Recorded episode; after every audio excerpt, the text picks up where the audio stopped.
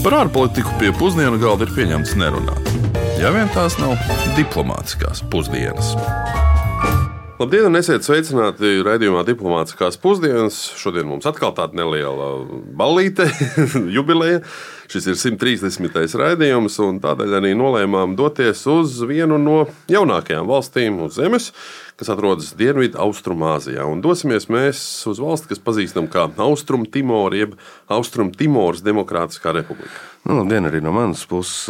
Starp citu, par nosaukumiem runājot. Valsts nosaukums tiek tulkots kā Austrum Austrum, jo vārds Timor ir cēlies no indonēziešu un malīiešu vārda Timur, kas nozīmē austrumu, un Lešta, kas ir portugāļu vārds vārdam austrumi. No Austrumtimorā ir salīdzinoši zems iedzīvotāju blīvums, un visā valstī dzīvo tikai aptuveni 1,3 miljonu cilvēku. Austrumtimora ir viena no valstīm Āzijā, kurā lielākā daļa cilvēku tomēr ir um, melanēzieši un polinēzieši, nevis um, Āzijas etniskās izcelsmes. Un uh, vēl kas ir interesanti, tad šajā valstī ir ļoti augsts valodu daudzveidības līmenis, jo tur tiek praktizēts aptuveni 30 dažādas valodas. Jā, nu vienlaikus gan Austrumtimoras oficiālās valodas ir tikai tetuma un portugāļu valoda. Nu, tetuma ir unikāla valoda, kurā runā tikai Austrumtimorā un Indonēzijā nedaudz kaimiņos. Bet nu, tagad paklausīsimies, ko par Austrumu Timoru zināt sacīt mūsu klausītāju intervijās. Kas ir zināms par Austrumu Timoru? Austrum Timoru nav dzirdēta, nemānīšos un nemocīšu sevi. Tas ir uz kaut kādām salām, jā, bet ar neko par viņiem nezinu. Nu, te, kur silts, kaut kādā klusajā okeānā varbūt tā es domāju. Nē, nē, nē nav, nav dzirdēts. Nē. Tas ir uh, Āzija, tā varētu būt, vai Okeānija. Kaut kur uz austrumiem tas ir. Nav asociācijas, nē. Kaut kādiem austrumiem, Āzija.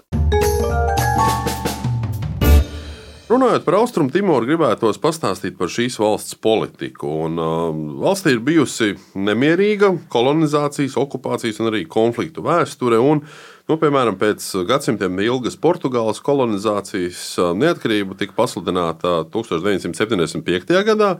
Bet jau deviņas dienas vēlāk valsts iebruka Indonēzija un pasludināja valsti par savu 27. provinci. Jā, no Indonēzijas okupācija ilga 24 gadus, un tā laikā tika nogalināti vai spīdzināti, protams, tūkstošiem Timoras iedzīvotāju. Un tikai 1999. gadā pēc ANO uzraudzīta referenduma Austrum Timora nobalsoja par neatkarību, un valsts oficiāli kļuva par suverēnu valsti.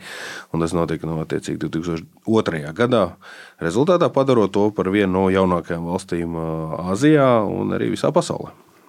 Jā, šis bija viens no, tad, kad es sāku strādāt Latvijas rādio, tas bija viens no pirmajiem notikumiem, arī par ko tika toreiz ziņots.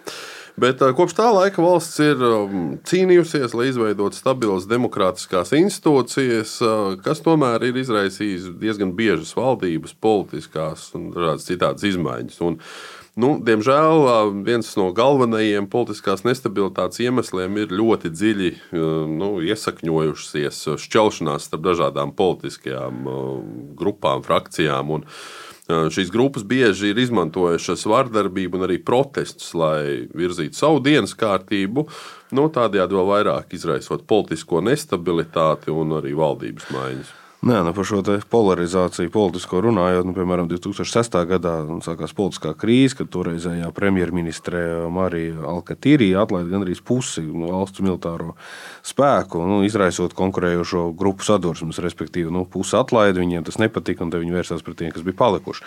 Galvaspilsētē Dilī attiecīgi izcēlās vardarbība un tika izsludināts pat ārkārtas stāvoklis, kā rezultātā tika izvietot arī starptautiskie mieru uzturēšanas spēki.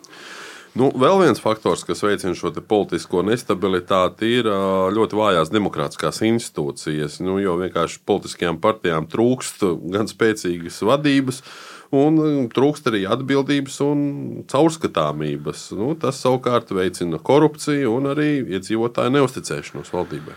Jā, nu, 2012. gadā Austrumtimor piedzīvoja jau nākamo politisko krīzi, kad cita premjerministre Ksana Gusmao atlaida koalīcijas valdību un aicināja sarīkot pirmstermiņu vēlēšanas. Un tas izraisīja protestus un vardarbību. Un, attiecīgi, bija jau daudz cilvēku, kas, protams, apsūdzēja Gusmāu mēģinājumā faktiski sagrābt varu un izveidot autoritāru režīmu. Nu jā, nu, visus šos gadus apvienoto nāciju organizācija ir bijusi ļoti nozīmīga loma, lai stabilizētu situāciju Austrumtimorā. Taču valsts joprojām saskaras ar ļoti daudziem un dažādiem izaicinājumiem, nu, piemēram, izglītības jomā. Nu jā, nu, viena no valsts aktuālākajām problēmām ir lielais analfabētisms, jeb zemais lasīt prasības līmenis valstī, kas, starp citu, ir arī viens no nu, lasīt prasības līmenis, viens no zemākajiem pasaulē. Nu, saskaņā ar ANO datiem tikai 58% austrumu Timoras pieaugušo cilvēku prot lasīt un rakstīt.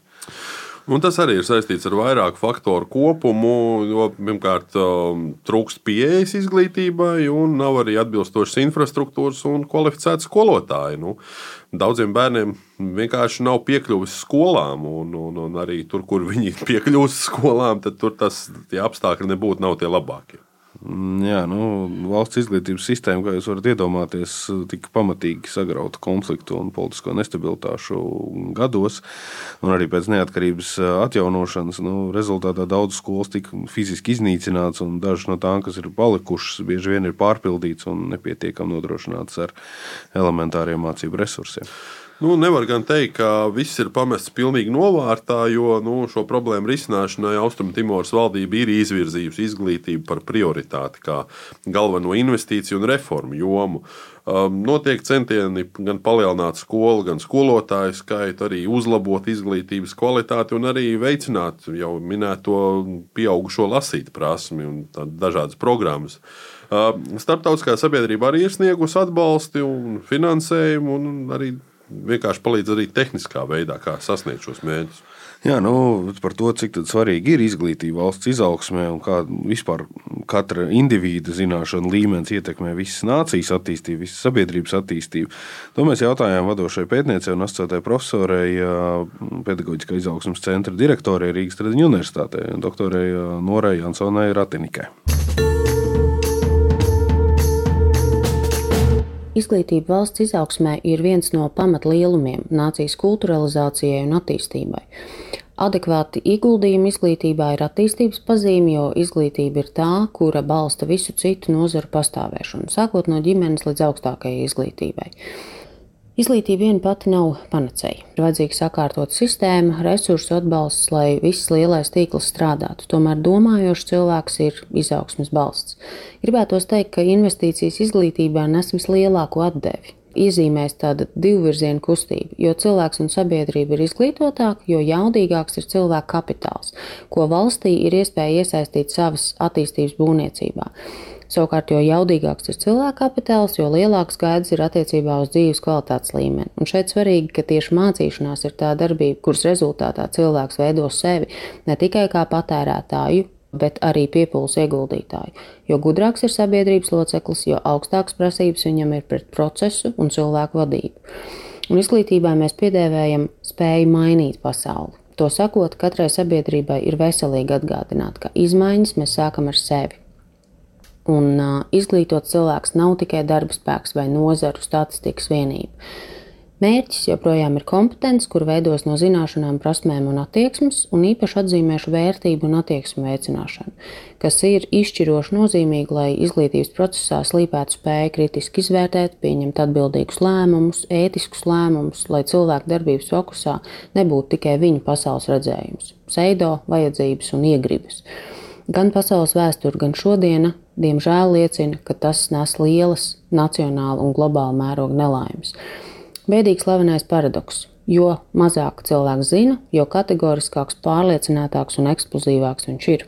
Secinājumi, protams, noteikti nav viennozīmīgi, tomēr pētījuma rezultāti bagātīgi liecina par iegūmiem no izglītības.